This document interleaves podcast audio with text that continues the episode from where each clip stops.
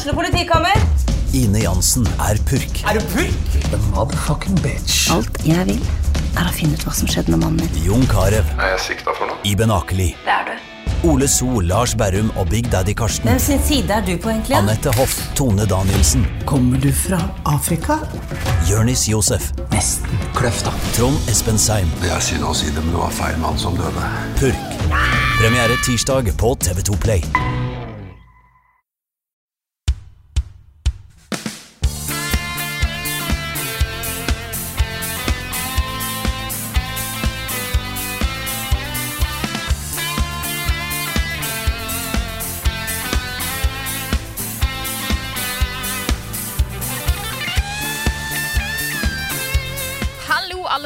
Velkommen til en ny episode av podkasten Level Backup, som i dag spilles inn ute. I dag, eh, ja, Jeg er som vanlig Frida Danmo, og jeg har med meg Karl Martin Hogsnes og Rune Fjell Olsen på denne veldig fine julidagen. Ja, vi sitter på Oslos tak. Sankthanshaugen. Parken på toppen av liksom Sankthanshaugen. Er det det det heter? Oslos tak? Ja. Ja. Det kalles Oslos tak, tror jeg, da. lavt- for å være tak. ja. Nei, men Poenget er at hvis du kommer helt opp på toppen av Sankthanshaugen, nå sitter vi litt nedafor, da, Ja. så har du utrolig fin utsikt over Oslo. Riktig. Det føles litt som du er på taket av Oslo. Ja. Det er et veldig fint sted. Men grunnen til at vi sitter her, da, det er fordi Frida er i byen. Hey. Yes! Og grunnen til at Frida er i byen, er at vi i går for oss hadde en eh, massiv no scope premierefest. Oh yeah! Og det var så gøy. Ja, det var helt fantastisk. Vi viste hele serien for et publikum som Altså en full sal. Vi solgte alle billettene. Ja. Eh, Pluss at vi, eh, vi hadde noen VIP-plasser for litt folk vi inviterte og sånn. Så det var jo eh, stappfullt. Det var god stemning. Og eh, et, et veldig bra publikum. Ja, det, Ja. Kunne ikke fått bedre publikum på det her. Nei. Og så tenkte jeg altså uh, pusha den serien på folk som ikke visste hvem vi var. Ja. Ikke hadde sett første sesong. det har blitt noe helt annet. Det hadde kanskje vært en litt hardere Ja, litt hardere publikum, tror jeg. Ja. Altså. Men det var en veldig, veldig sånn derre Også etter å ha jobba med det så lenge, og særlig deg, da, Carl. ja.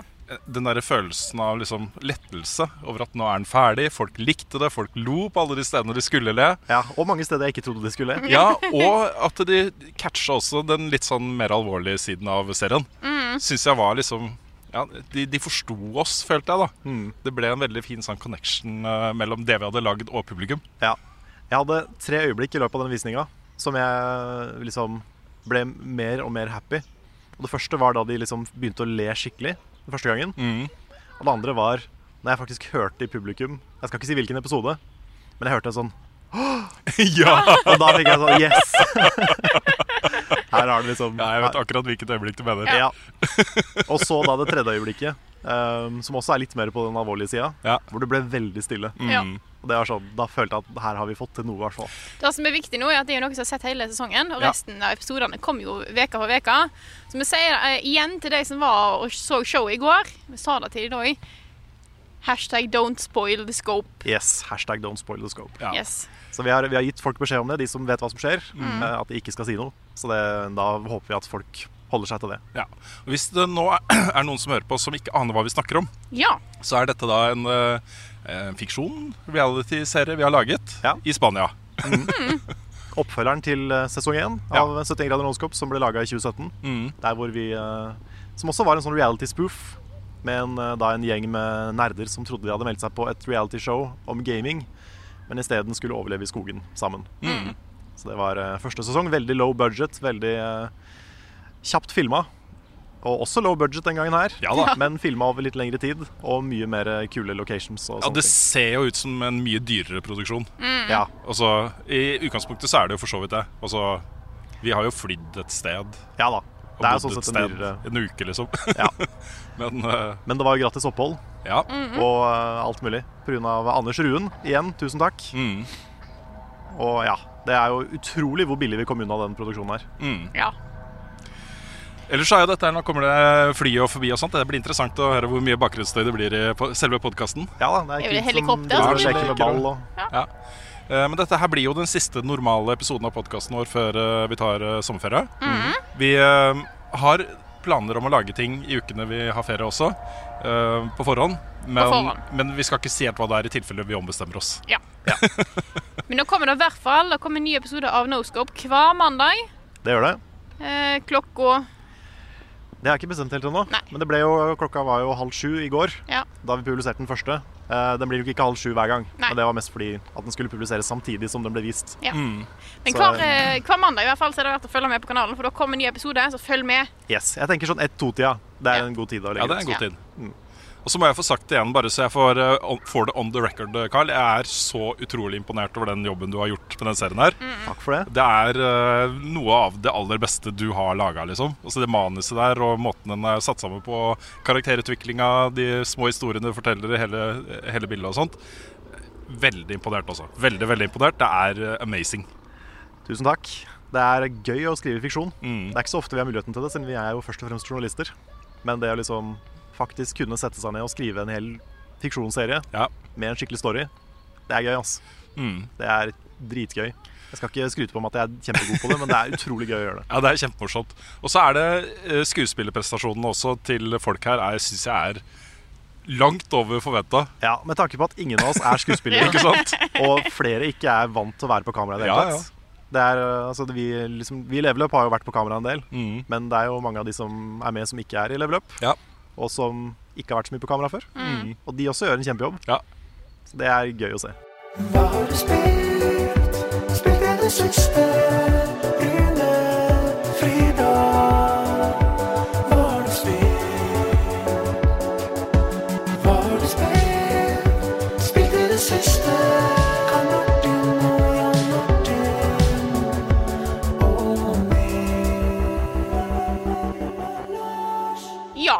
Gått så veldig lang tid siden vi spilte i den siste podkast, men eh, jeg har vel kanskje fått tid til å spille litt i mellomtida.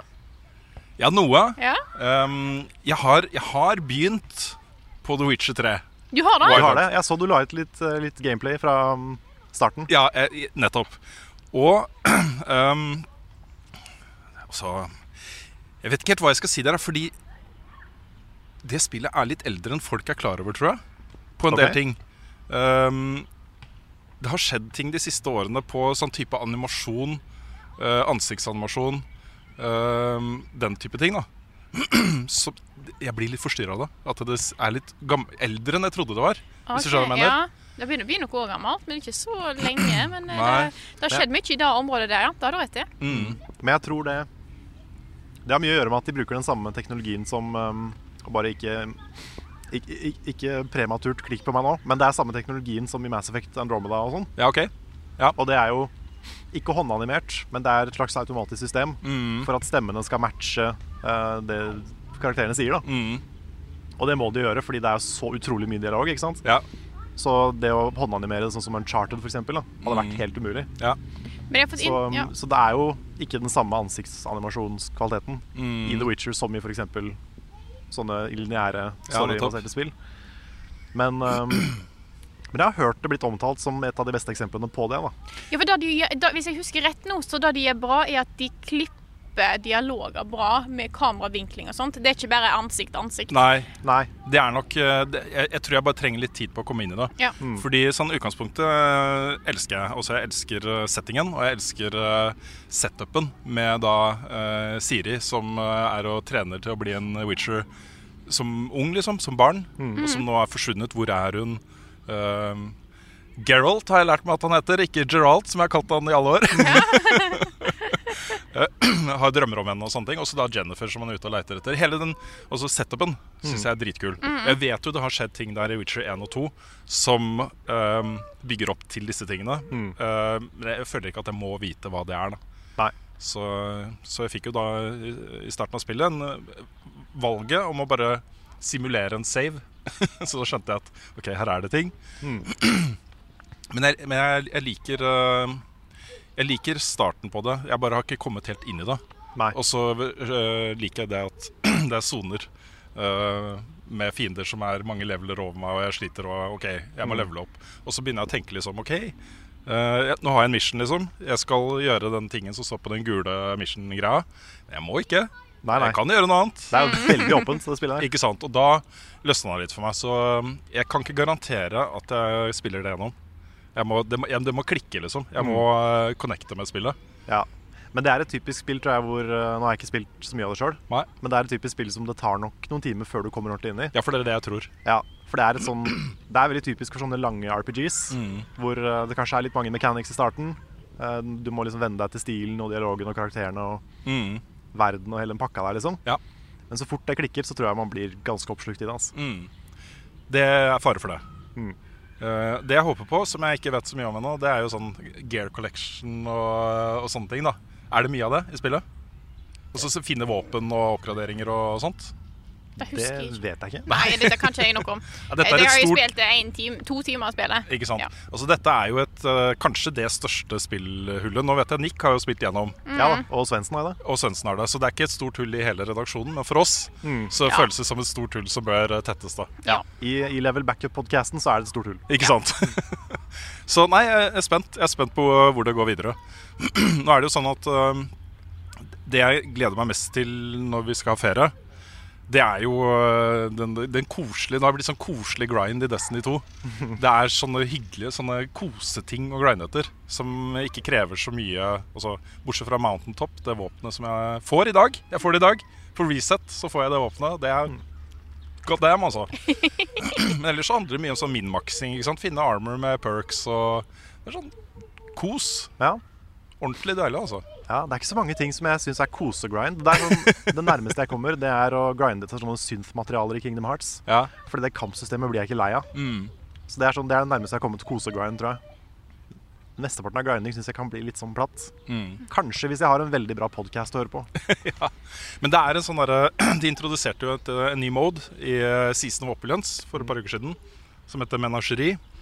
Og det er jo en sånn derre gear grind mode. Fordi eh, der kan du gå inn også Du får en sånn chalice som du fyller med runes. Og der har spesifikke items har spesifikke kombinasjoner av runes. Så hvis du er på jakt etter en, eh, en eh, spesifikk helmet, f.eks., så kan du legge inn de uh, runesa, og så kan du spille gjennom menageri, og så kommer det en kiste på slutten hvor det dropper. Og så er det en sånn bug som nesten er en feature, da, hvor du kan åpne den kista. Du kan bare løpe ut av sonen og tilbake igjen og åpne den igjen.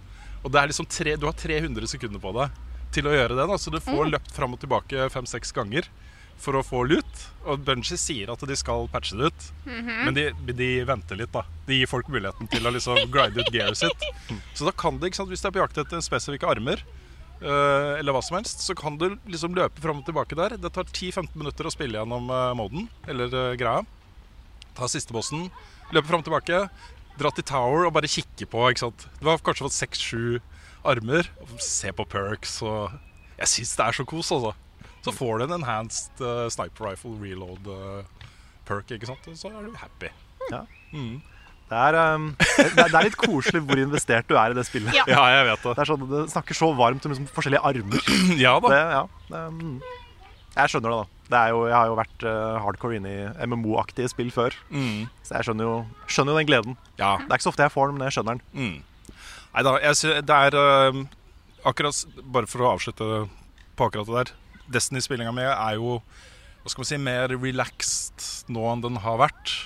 Altså Jeg kan legge det bort i eh, flere uker uten problemer. Og det er liksom Du kan slutte når du vil. Jeg kan slutte når jeg vil. ja, men jeg har et mer avslappa forhold til det. Og det er eh, Det er på en måte kosen har kommet litt tilbake. Det. Jeg la det jo bort i mange måneder. Mm. Spilte ikke i det hele tatt. Og så ble det bra igjen, og så Ja, Ja. Det jeg tenker på når du snakker om det, er at jeg savner Final Fantasy 14. ja ikke sant. For det er sånn, det å spille med det crewet og sånn, det var uh, tror ikke vi klarer å samle det crewet igjen, men Mm. det hadde vært så kos å gå tilbake til det. Altså. Ja. Det er jo tre expansions som jeg ikke har spilt, liksom. Mm. Så det er jo sikkert flere hundre timer med content som jeg Ja, ikke sant. ikke, ikke har fått spilt. Ja. Så det hadde vært uh, kos å gå tilbake til. Mm. Ellers så må jeg også nevne da at jeg tok oppfordringen fra dere fra forrige uke. Ja. Jeg har sett eh, ikke seks episoder, jeg har sett fem episoder av Evangelion. Ok. Ok? Og det er amazing. Ja. Ja, det er bra. Ja, det er kjempebra. Jeg er eh, så glad i måten de forteller den historien på. Og det har vært flere øyeblikk der hvor jeg har vært sånn um, Det var særlig jeg tror det var andre eller tredje episode hvor eh, For episoden før ble avslutta med en sånn kamp mellom eh, hovedpersonen og en engel. engel. Og så trodde det gikk skikkelig gærent med hovedpersonen. Og så begynner de liksom i neste episode å snakke om at uh, det, det gikk jo bra, liksom. Og så, ja, hvordan gjorde det det? Hvordan gikk det bra? Og så viser de liksom hva Ja, som faktisk skjedde. Da får du flashbacket. Ja. Mm. Eh, Kul måte å fortelle en historie på. Og så er jeg veldig, veldig engasjert i liksom, investert i historien mellom eh, hovedpersonen og faren. Og Ja. også liksom hun andre eh, Ray. Ray. Ja, nettopp. hele den uh, greia der syns jeg er uh, jeg, jeg skjønner at det ligger mer bak der, liksom. Jeg gleder meg til å finne ut hva er greia til faren. For det er, der må det ligge noe, ikke sant. Så eh, veldig, veldig nysgjerrig på hvor det går. Så takk, takk for den anbefalingen, altså. Det er nesten litt synd at det heter sommerferie nå, som vi ikke kan snakke om dette her. Liksom. For jeg, Ja. jeg, jeg, jeg føler jeg er nødt til å på en måte eh, Det skjer jo ting i den serien, så jeg bare gleder meg til å høre deg opplever Ja, ja, ja.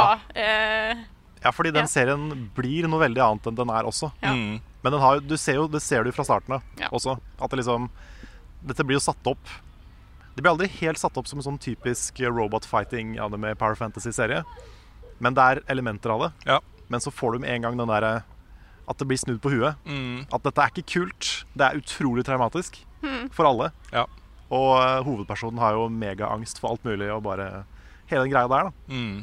Og det var liksom Det er ikke så vanlig å se det nå. Det var ikke vanlig å se det på 90-tallet. Nei.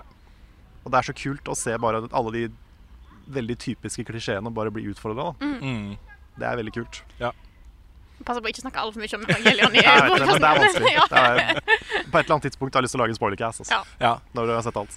Det føles som en sånn serie som, eh, som Er du glad i TV-serier og sånn, så bør du nesten se den. Ja, Ja. Uansett om du er glad i anime, liksom. Ja, fordi Det, det føles eh, Så mange TV-serier jeg har sett, så føles det som om dette har vært en inspirasjonskilde for mye. da Og At, lett. eh, Et sånn referansepunkt. Ja. Og ikke bare sånne åpenbare ting som Pacific Rim og sånn, Mm. men bare altså, regien i den serien. Ja. Mange av shotsa kan du jo kjenne igjen i andre ting. Mm.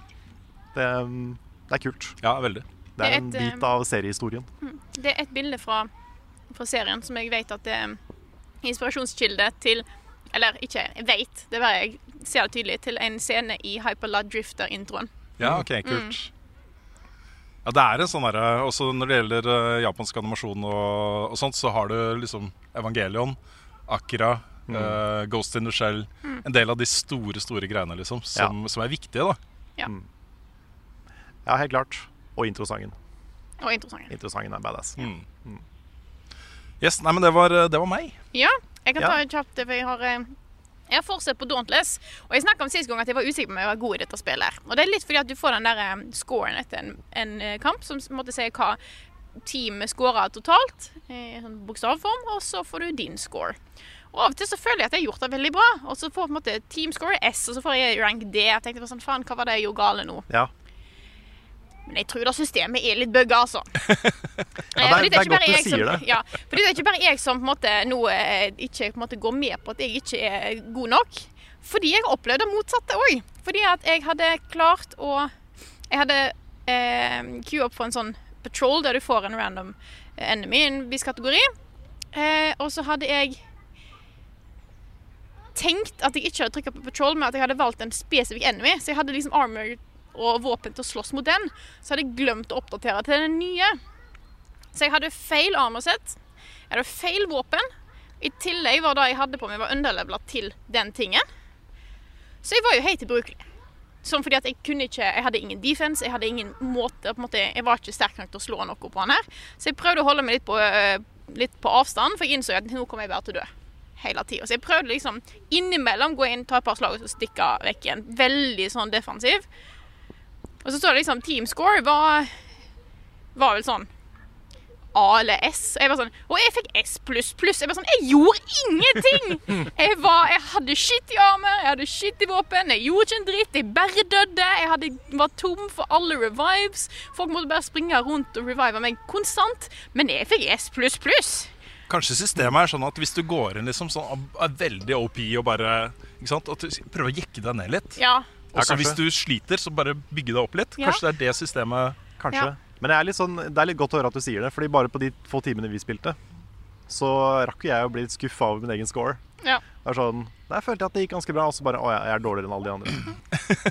ja, både fordi at jeg og Nick hadde mye bedre våpen Ja enn deg. Ja, det var det òg. Men um... Men det var litt når jeg, på en måte, når jeg fikk jeg føle litt på han, så har jeg hatt et par matches der jeg på en måte nå nå, føler, nå er jeg flink. Det er litt fordi jeg måtte ta en samme, samme enemyen så jæklig mange ganger for å få tak i en drop til et våpen. Så det var litt surt. Men uh, det, er- jeg, jeg kommer nok til å fortsette litt innimellom. Det blir ikke sånn mange mange timer i strekk som jeg har holdt på med litt i, i det siste. Men mer sånn kanskje gå innom en dag uh, liksom, Kanskje uh, hver dag annenhver dag for å liksom få deg daily eh, drops, da. Så får vi se. Men, men du vet, i, i Monster Hunter World så, har du ikke, så har du ikke sånn score. Men du har en liten katt som er med deg hele tida. Mm. Så um, Har den katten sånn 30-40 timer ekstra så jeg kan få av han òg, da? Eller er det Hæ? Har den katten sånn 30-40 timer ekstra jeg kan få av han Så jeg har tid til å spille dette spillet? Eller er det Ja, kanskje. Hvis du spør kanskje. Ja. Kan jeg komme med en liten digresjon? Ja. Fordi nå har jeg um, tatt liksom et skritt videre i det alltid tilstedeværende ønsket jeg har om å skaffe meg hund. Og du har det? Ja, Nå har jeg begynt å se på hunderaser. Oi. Og jeg, jeg har sagt til ungene at jeg har lyst på hund, og de har blitt helt gærne. Ja. Til nå har de mer lyst på hund enn mobiltelefon, og da har de lyst på hund. Ja, også. da har de lyst på hund. Så, så egentlig grunnen til at jeg har lyst til å nevne det, er at jeg eh, har lyst til å finne en hunderase som passer i byen. Som, eh, alle hunder trenger jo mosjon, men noen av de trenger mye mer enn andre. Så gjerne en hunderase som ikke trenger den meste mengden mosjon det er mulig å gi, liksom. Ja, og ikke altfor stor hund, for det blir vanskelig i en liten leilighet. være, ja, den kan ikke være altfor stor. Eh, den må være liksom vennlig, ikke, ikke bjeffe for mye og være nervøs og sånne ting. Ja, Du kan ikke gå for de aller minste. For de aller minste, altså En del små hunder er jo varslere, som er jo laget Ja, ja, ja. for bjeffer. Ikke sant? De eh, ja, kompenserer sånn- kompenserer for noe. Tenker medium Ja. Det er medium small size hund, da. Ja. Ja. Nei, for eksempel altså, den hunderasen som jeg syns er kulest, av mest personlighet og sånt, det er sannsynligvis eh, Jack Russell Terrier. Mm. Men de er litt sånn stressa og trenger utrolig mye mosjon, har jeg forstått. Så jeg tror ikke det er den riktige rasen. Og så har vi sett på Kona har veldig lyst på en sånn der, eh, japansk eh, eh, spisshund. Og Ja. de, de er jo sånn der Frogner Fluffy, så jeg kan jo ikke gå tur med den. Så vi må finne en rase ikke sant, som er litt kul. og sånn Så jeg ville bare, hvis noen har noen tips som hører på, har noen tips til hunderaser som jeg bør kikke på, um, så er jeg veldig takknemlig for det. Det jeg egentlig har mest lyst på nå, det er jo uh, en sånn rescue dog. Finne en som trenger et hjem. ja. Da er en hyggelig ting å gjøre. Ikke sant? Men uh, vi får se. Ungene er så opptatt av at det skal være en valp. ikke sant? Også, ja. Ja. ja.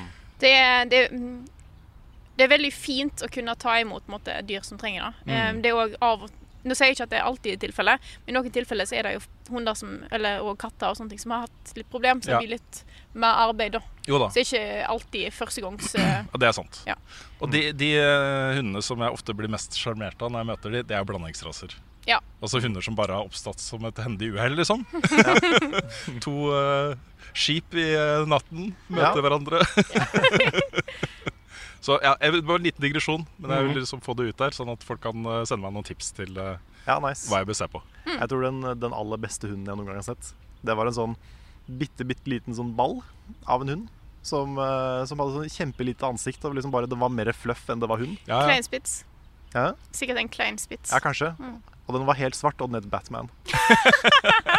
det var bare den beste hunden. Den uh, hadde jeg lyst til å bare ta med meg hjem. ja, ja. Vi hadde jo en uh, ekstra digresjon. Vi hadde jo en uh, italiensk spisshund som er veldig lik den japanske, bare litt mindre og litt annen type pels. Ok. Ja. Da, den så ut som en liten isbjørn ja. Når han var liten. Det var veldig søt. Så var det veldig festlig, fordi at når en skifta pels fra liksom kalvepelsen til voksenpelsen, så måtte begynte der på ansiktet med snuten, og så jobba det seg bakover. Så okay. så ut som han hadde sånn hjelm rundt seg med Ah, sånn rar nice. pels. Det var veldig, han så veldig teit ut på et tidspunkt. Det var ganske festlig. Anbefaler ikke den rasen til den. Okay, hun, var- hun bjeffer veldig mye. Ja, skjønner. Ja, skjønner. Ja, skal jeg si, litt hva jeg har spilt? Ja, Ja. kjør på. Jeg har um, ikke spilt det mye ennå, men jeg har begynt på Super Mario Maker 2. Nice. Og det, jeg nevnte det på Twitter her om dagen, men det er sånn Jeg merker hvor liksom kreativt utslitt det er etter å ha laga Noscope i to måneder. For jeg begynte på liksom uh, Begynte først å teste litt story mode, uh, og så gikk jeg på den course-editoren for å lage baner. Og fikk helt sånn panikk på hvor skal jeg plassere den første blokka. Så dette er så stort ansvar. Ja, ja, ja. Jeg ble litt sånn Dette skal jeg laste opp på internett, og det må være bra. Og det, helt sånn. um, men jeg har kommet i gang, da. Ja. Så da har jeg begynt å lage et sånn svært spøkelseshus som er halvferdig. Kult. Jeg tenkte jeg skulle være veldig ambisiøs i starten. Ja. Det er kanskje litt dumt. Eller bare vent, jeg burde kanskje venta litt med den. Men jeg, Bygge fram opp til det, liksom. På ja, måte. jeg burde kanskje gjort det. Ja. Fordi nå har jeg tenkt liksom Ok, jeg skal ha maks størrelse på banen. og jeg skal ha masse små rom med hver sin mechanic og sånne ting. Det, bare, det ble litt mye. Ja. Men jeg er i gang, da. Med My Magnum Opus Kult. i Mario Maker. Men det er um, Det er jo Mario Maker. Det er mer av det samme. Mm. Det er noen nye blokker. Uh, og så er det slopes, og det var jo min request nummer én. At du har både, du har både lave og eh, bratte eh, bakker. Mm. Så du kan liksom skli nedover. Og det er, sånn, det er en viktig del av 2D Mario som er på plass. Ja. Det er litt deilig. Mm. At man da kan bruke, for det er sikkert masse kult man kan gjøre med det. Det fins jo helt sjuke Mario-level-designere der ute som er kjempeflinke. Mm. Så det er gøy. Um, I starten så var jeg litt skuffa over uh, måten editoren funka på på Switch. Fordi uh, du har jo ikke Wii U gamepaden. Nei. Uh, eller de to skjermene samtidig. Fordi på Wii U så var det sånn at du hadde en skjerm du kunne bygge på med en stylus med touchscreen uh, i handa. Og så hadde du den svære skjermen som du kunne se på for å få med deg hva som skjedde.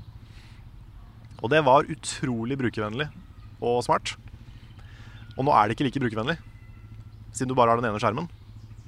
Og i tillegg, hvis du spiller i docked mode, da, som jeg gjorde da, så var det litt kronglete. Det tok mye lengre tid å plassere blokker og bygge ting og finne fram og sånne ting. Men så fort jeg testa det i handheld med touchscreen, så var det mye bedre. Ja, det har jeg også hørt. Mm. At du bør, skal du bygge ting, så bør du nesten gjøre det, og gjerne med en stylus. Ja, ja så Jeg har jo ikke noen stylus på Switch. Nei. Det funker jo ikke de Wii U-stylusene heller. For Nei. jeg har annen type touchscreen. Ok. Så du må kjøpe en egen Switch-penn da Ja. for å få det til å funke. Men det funker også helt fint å bare bruke fingra. Ja, okay. Det, det går. Ja. Så um, anbefales i hvert fall det. Hvis du skal bygge baner, så gjør de håndholdt. Du kan vel bruke hva som helst touch-skjerm-stylus så lenge det ikke er en trykk-skjerm-stylus. Ja, det er kanskje sånn det funker. Ja. Mm. Vi har så vidt begynt å spille hos oss også. Ja. Ehm, men eh, det er på en måte en annen i familien som styrer eh, hvor mye vi spiller. da Ja. Og den andre i familien er, eh, har akkurat fått uh, evolva en Er det Chamele Chameleon til Charizard? Charizard, ja. ja. Så han har akkurat fått Charizard. Oi. Og det var det han har jobba for nå i en uke, liksom. Ja, da har det kommet litt lenger enn forrige gang. Ja, ja. Så han eh, er veldig happy for det, da. Ja, kult.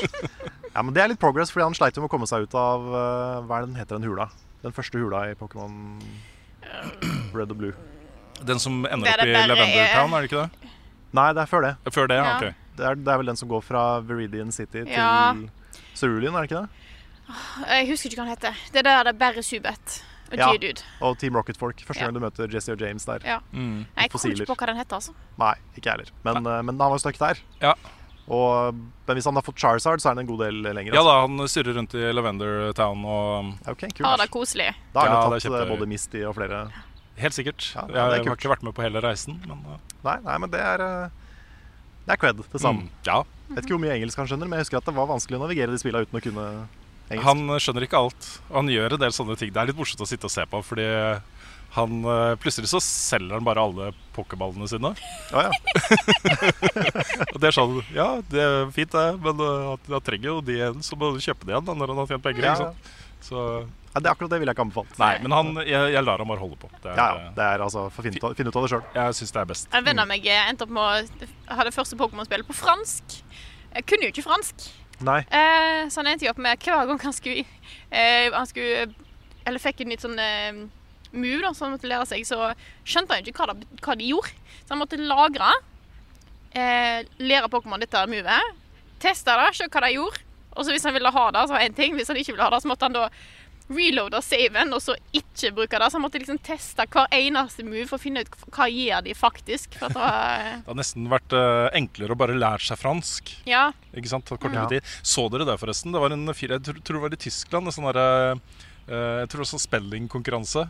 Det er Frankrike eller Tyskland, jeg husker ikke. Det var en Mhm. fyr da som hadde deltatt. Han hadde bare pugga hele ordboka. Han kunne ikke språket. Wow. Og han, kunne, han, forst- forstod, han bare pugga hele, hele, hele ordboka. Wow. Det er, Som vant. Er det mulig, holdt på å si? Ja, noen har eh, litt mer sånn fotografisk hukommelse. Da går det an til å få Ja. til. Ha. Ja, det er nuts. Ukens anbefaling. Ukens anbefaling. Ukens anbefaling. Ukens anbefaling. Det, jeg tror vi har flere anbefalinger denne gangen her. I hvert fall to. Ja. Som jeg kan, jeg kan ta og begynne. Jeg har en YouTube-kanal som jeg har lyst til å anbefale. Det blir litt mye gaming, så nå har jeg tenkt å ha noe som ikke er gaming-relatert. Hei! Men som er jo fra en av mine andre måte, store lidenskaper. Det er jo vitenskap. Og det er rett og slett det er en kanal som heter Veritasium. Eh, det er en fyr som drar rundt omkring eh, og enten besøker kule plasser som gir kule ting, eller ser på litt sånn science stuff og forklarer det på en veldig sånn interessant eh, og lett forståelig måte. Men det har måte Han er veldig, han er veldig flink, og han vet hva han driver med. Han har annet noen videoer eh, på Det er en, det er en sånn der vannreservoar som du henter drikkevann fra, som er bare fylt av masse svarte kuler. som de er lagt oppå. Eh, så han er ute der og på en måte finner ut hvorfor i alle dager har de fylt hele denne reservoaret med svarte kuler. Eh, for å på en måte det er faktisk for å unngå at du skal få noen feil kjemiske reaksjoner. og sånt. Det er ganske stilig greie. Ok, Så det er ikke fordi de syns det var kult? Det er ikke fordi de syns det var kult. Jeg, jeg ser for meg en litt sånn uh, søt enga jeg, vet ikke, jeg har ikke sett han fyren her før, Mm. men jeg ser for meg en veldig sånn søt engasjert sånn Why are there balls? Sånn veldig typisk sånn YouTuber. Jeg vet ikke om han er sånn. han, er, han, er faktisk, han er veldig sånn seriøs, og Ja, ok. eh, han har noen videoer der han drar rundt og ser på Jeg så på nettet, plutselig så var hele YouTube-feeden min full av Chernobyl-ting.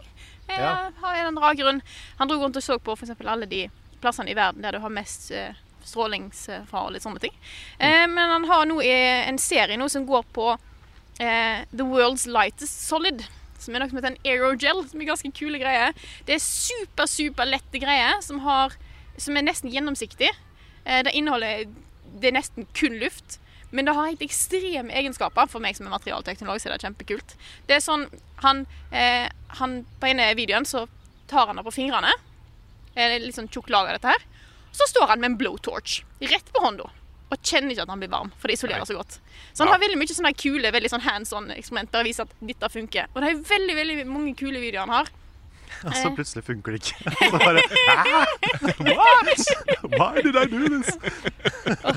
Nei, så anbefaler den, altså, den kanalen. Det er veldig mye stilig. Han forklarer veldig mye kule konsept. Han har òg en video som, er, som handler om eh, Jeg tror det heter Why Are Women Stripy? Som handler om hos, eh, hva som skjer med fordeling av X-kromosom i kvinnekroppen, som gjør at i teorien, hvis du kan måtte se, fordelingen, så har kvinner masse striper på seg. Som du kan se på dyr som får eh, tofarga eh, pelstyper. Sånne calico cats. Da kan kun være kvinne, altså, eller da, um, female katter. Fordi at det er kun de som har to X-kromosom som forklarer liksom. det, det er veldig kul video.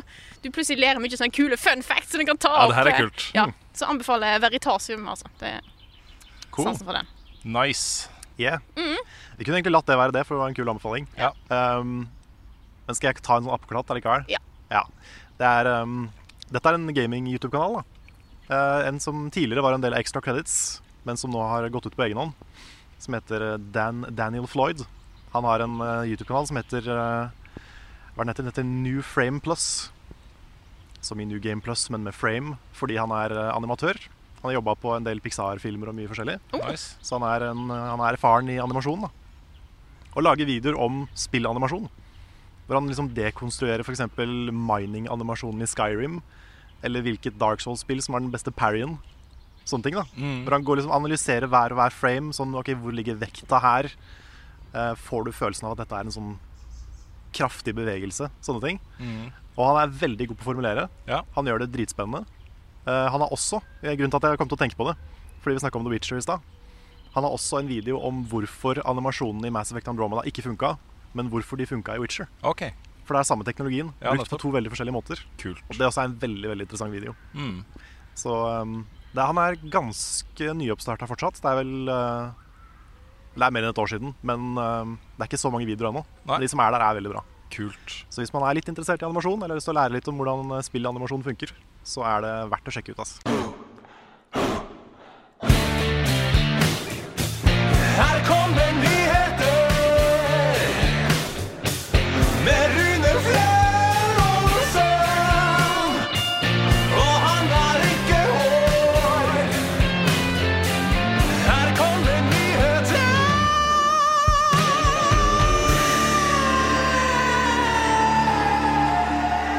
Det skjer jo nesten ingenting om dagen. Også nesten ingenting. Det er helt dødt. Også det er ikke helt dødt.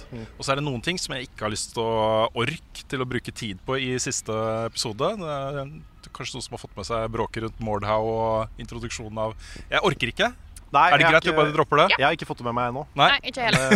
Det, det høres ut som et vepsebol. Ja, det er et vepsebol. Ja. Eh, men det har jo vært uh, Summer Games Done Quick. Eh, de satte ny rekord. Ja, det er det motsatte av et vepsebol. Det er det koseligste i verden. Ikke sant? Tre, tre millioner dollar samla de inn. Og det har de, de har aldri samla inn så mye penger før. Nei. Det gikk da til Leger uten grenser. Um, ja, Jeg har ikke fått sett så mye på det selv, men du har sittet og fulgt med. Jeg har sett på Twitter du har kommet med liksom, sånne kommentarer Ja. til pågående eh, streams. Ja, ikke, jeg har ikke vært en, en aktiv live-tweeter, men det har hendt at jeg har eh, live-tweeta litt. Ja. Nei, det, det er kjempegøy. Mm. Det, er, altså, det er en sånn event som er to ganger i året. Og det er det altså, Det er kanskje den koseligste gaming-eventen. Utenom liksom Cons, da, som Ja. jeg vet om. Og uh, premierefestet for uh, 71 grader no-scope. Det er det aller koseligste. Ja. Men uh, nei, dette er, det foregår jo over en uke. Hvor de 24 timer i døgnet sitter og streamer eh, speedruns av spill. Og folka er så gode. Man skulle liksom tro at det å speedrunne et spill perfekt Det krever veldig mye perfeksjon og veldig mange forsøk. Mm. Men de folka her er så gode at de bare kan demonstrere det på en scene. Ja. Og det er bare god stemning. Folk er gode på å kommentere. De har en sofa bak seg, så hvis de er for konsentrert og sitter og prater, så gjør sofaen det. Mm.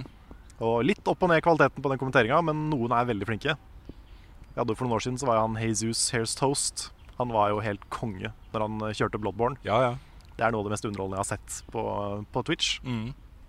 Så noen folk er sykt gode på kommentering. Ja. Og det er jo de beste runsa. De som er imponerende å se på, som har bra commentary, og som bare har god stemning, liksom. Mm. Så det er jo, jeg kommer jo nå med fem anbefalinger til eh, videoer man burde sjekke ut. Altså sånn opptak fra runnet. ja, kult. Og det er basert på alle de tre tinga.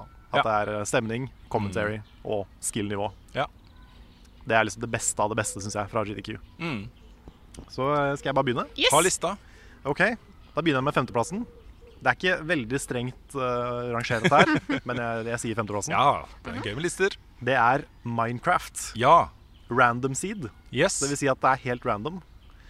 Så dette er da en person som tar Ender Dragon, kommer til uh, quote unquote rulleteksten i Minecraft, og bare begynner fra scratch. Vet ikke hvor noen ting er, men kan nok om spillet til å skjønne hvor han skal gå Ja, for å farme enderpearls og de tingene der som du må gjøre for å komme til bossen. da. Ja, ja. Og klarer det på uh, Jeg tror det var rundt en time. Oh. Wow. Det er helt sjukt. Ja, det er sjukt, ass. Det, um, og bare sånn All den planleggingen og minimaxinga han har gjort. Han gjør det uten å sjekke koordinater i tillegg. Ja. Og det også er ekstra imponerende. Mm. Ja. Så det var kult å se måten han uh, speedrunna noe som var helt random. Den skal jeg se også. Ja. Det er verdt å se. Ja. Kanskje se med Sam, til og med. Eh, Ja, uten tvil. Og også på fjerdeplass så må jeg representere My Baby, Kingdom Hearts. en som kjørte gjennom hele Kingdom Hearts 3. Jeg tror det var på et sted mellom tre og fire timer. Mm. Det husker jeg ikke helt. Men det også er uh, bare måten de har perfeksjonert det å komme seg fort gjennom det spillet. Mm. Det er mye sånne fancy movement abilities i det. Ja. Og små ting du kan gjøre for å speede opp ting. da Så det er, eh, det er kjempegøy. Og så har de sånn tradisjon hvor hver gang det er et treigt segment, sånn gummiskipdeler og sånne ting, så synger de Disney-sanger. Og det også er litt koselig. Herlig. Så det var et, et veldig bra run. Og så har jeg satt opp uh, Zelda Randomizer, altså det første Zelda-spillet. Mm. Som da er uh, laga en sånn randomizer-mode av. Så alle items er uh, sjøfla rundt. De vet ikke hvor ting er, men igjen da så kjenner de spillet godt nok til å vite hvor de skal gå for å Mhm. finne de viktigste tinga. Og så var det et race i tillegg. Ja, det er kult. Så det var to som spilte mot hverandre. Jeg skal ikke si hvem som vant, men det var så jevnt. Og i tillegg så var det full on e- e-sport commentary Nice. i bakgrunnen. Det var sånn Det føltes som Det er det nærmeste jeg har kommet til å forstå sport. Ja. Fordi det var så spennende. Og det, liksom, den kommenteringa, det var jo full on sportkommentering, og det var veldig, veldig bra. Så det var ikke noe problem å følge det, selv om det var et randomizer-run og kanskje litt nytt for mange. Mm. Så um, hvis, du liksom, hvis du vet hvordan det første Zelda funker, eller hvordan et hvilket som helst Zelda-spill funker, så er det lett å følge det. Mm. Og det var dritspennende. Ja. Det var kanskje det mest spennende sånn uh, tension-messig, Kult. hele, det, hele det, det showet. Og så har jeg satt opp Banjo Kazooie. Det var også et race uh, med to personer, hvor de skulle 100 til spillet. Og det vil si skaffe liksom alle jiggies, alle noter, Wow. alt sammen. Og det også gjorde de på eh, få timer. Ja. Det også var jevnt og spennende og koselig og bare bra, bra stemning og kommentering hele veien. Herlig. Så kjempebra. Og så til slutt så har jeg satt det som kanskje imponerte meg aller mest. Og det var um, runnet av Tetris-effekt. Ah. For det var eh, Det gikk fortere enn jeg trodde noen mennesker klarte å operere. Ja. Og han, han var så selvsikker, han fyren. At han liksom valgte å la effektene og musikken og sånn være på. Selv ja. om det var distraherende. Ja, det er jo det. Fordi han, han syns det gjorde spillet så mye bedre. Nå kommer det en bil. Nå kommer det en bil, så da blir det litt bråk. Men Vi kjører på. Ja, vi bare kjører på. Ja. Um, men bare det at han hadde så selvtillit på at han fikk det til, til at han likevel klarte å vise fram hvor fett det spillet er. For det er jo de tinga som gjør Tetris Effect spesielt. Ja, ja. Så uh, det også syns jeg var kult. da At det var, liksom, det var både et utrolig imponerende speedrun mm. og et sånt kjærlighetsbrev til Tetris ja Effect. da. herlig, også. For det spillet er jo Det er en sånn påminnelse om hvor bra det er. Ja, det er Ja, herregud. fantastisk. Så det um, Jeg liker så godt når For det er, det er to forskjellige måter å approache eh, det å snakke om et spill i et speedrun på. Det ene er det spillet her er så sykt kult, jeg har lyst til å vise dere hvor kult det er. Mm. Det er veldig hyggelig. Og så er det de som Det spillet her er dårlig programmert, så vi kan bare fucke med det. Og de, de blir man litt lei av. Ja. Jeg så et øh, Jeg har ikke sett så mange runs i år, men jeg så et deler av et øh, fra Half-Life 2. Ja. Og det er jo mye sånn her uh, glitching. Ja. Hvor du plukker opp en boks, og så går du på et spesifikt sted på veggen, og så er du gjennom veggen og på andre siden. ikke sant? Mm. Og så Det ble litt sånn Det ga meg ikke så mye, da, å se det runnet. Nei. Det er samme med sånn Skyrim. Det er bare sånn, et Speedrun av Skyrim er bare tull. Ikke sant? Det er bare sånn, du bare vet ikke hva du ser på engang. Det er bare, det er bare rot. ja, ja, ja. Så um, det er imponerende, det òg, for all del. Men det er, det, det er mer morsomt å se på et speedrun som samtidig viser hvorfor et spill er kult. da Åh, det var en søt hund. Ja. Det var en hund der i bakgrunnen som bare Ja, lå ja, rulla på bakken og Ja. var veldig søt. Veldig Ja. søt. Men ja, det var, uh, det var min liste med recommendations. fra Ja, kult. Nei, jeg skal gå gjennom uh, Woods og kikke på dem. Ja. Hvis du har veldig god tid, så er det også et seks timer langt kronotrigger-run på slutten. Ja, Og det var der de nådde tre millioner. Oh, ja. Den stemninga der også. Ja, jeg fikk med meg slutten. ja stille Rakk ikke å se hele. Men Mm. det også var fett. Nice.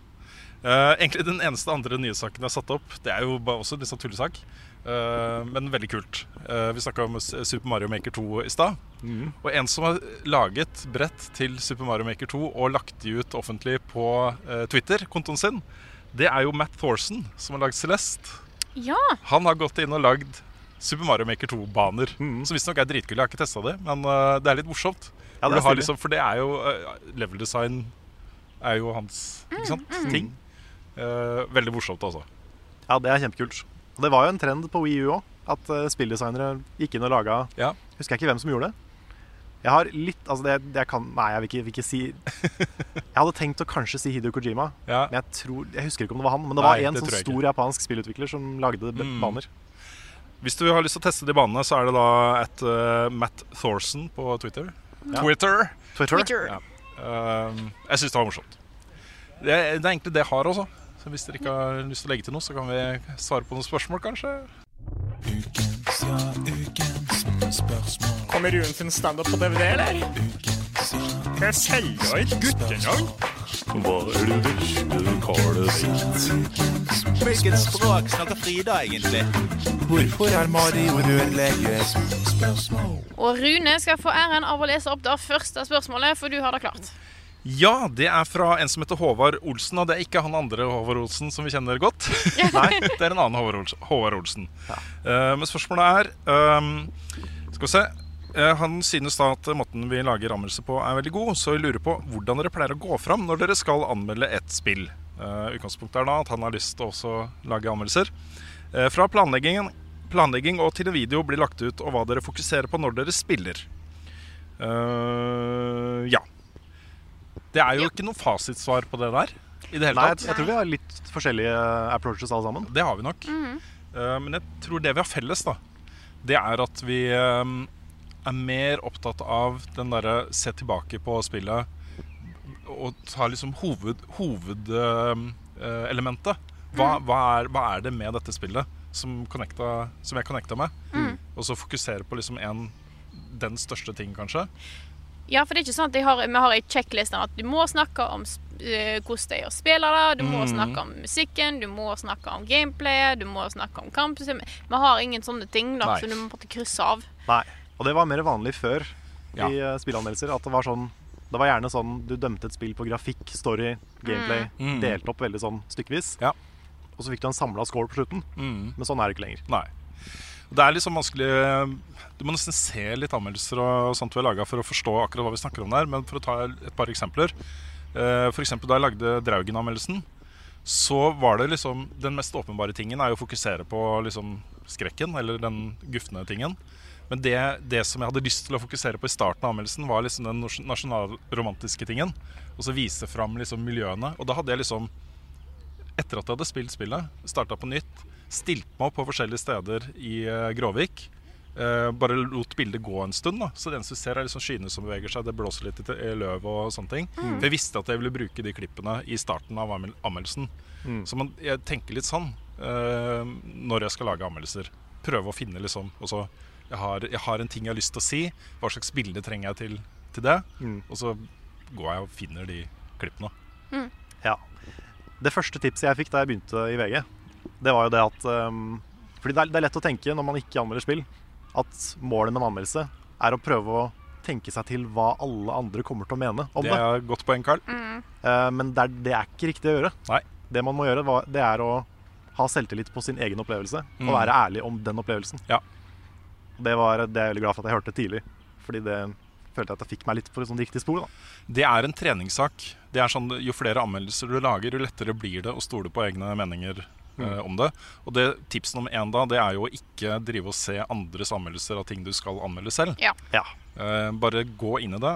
Eh, og da kommer liksom punkt to. Vær grundig, og så spill, spille skikkelig. Mm. Få et godt bilde av hva spillet er. Helst rund det, liksom. Og Mm. kom deg gjennom og se slutten på storyen og, og sånt. Du skal ikke spoile det, men det er viktig for helhetsopplevelsen. da. Absolutt.